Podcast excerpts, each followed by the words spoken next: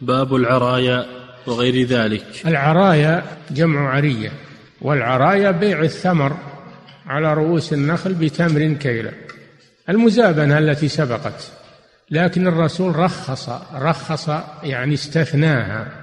الرخصة استثنى من المزابنة السابقة. ما هي العرايا التي استثناها الرسول وأباحها؟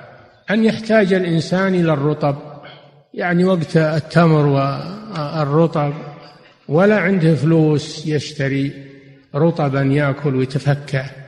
لكن عنده تمر قديم عنده تمر جاف من ثمرة العام الماضي وهو يريد رطب ولا عنده فلوس يشتري. رخص له الرسول صلى الله عليه وسلم أن يشتري النخلة عليها الثمرة بخرصها من التمر الجاف. وإن كان هذا فيه جهل بالتساوي لكن رخص فيه رخص فيه للحاجة. ليأكل مع الناس ما ينحرم من الرطب ما ينحرم من الرطب. فرخص له الرسول صلى الله عليه وسلم من أجل أنه يفرح مع الناس ويأكل مع الناس الرطب ولا يبقى على أكل التمر الجاف. فتجوز بشروط. أولا أنه تكون خمسة أوسق فأقل. يعني ثلاثمائة صاع بالصاع النبوي لأن الوسق ستون صاعا بالصاع النبوي. تكون بهذا المقدار ولا تزيد عن خمسة أوسق. ثانيا أن يكون محتاجا إلى أكل الرطب وليس عنده دراهم يشتري بها. ما عنده إلا تمر فإنه يرخص له في ذلك رخص له في ذلك.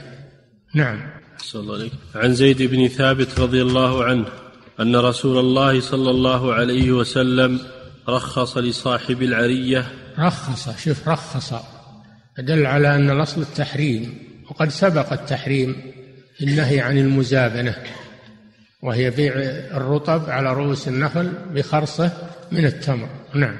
أن رسول الله صلى الله عليه وسلم رخص لصاحب العرية أن يبيعها بخرصها. أن يبيعها بخرصها. وكان هذا منهي عنه في في الحديث السابق. لكن استثناه الرسول صلى الله عليه وسلم من أجل التوسعة على المحتاجين. نعم. ولمسلم بخرصها تمرا يأكلونها رطبا. يأكلونها رطبا. شوف هذا شرط ثالث. إذا اشتراها بالتمر ما يخليها تجف.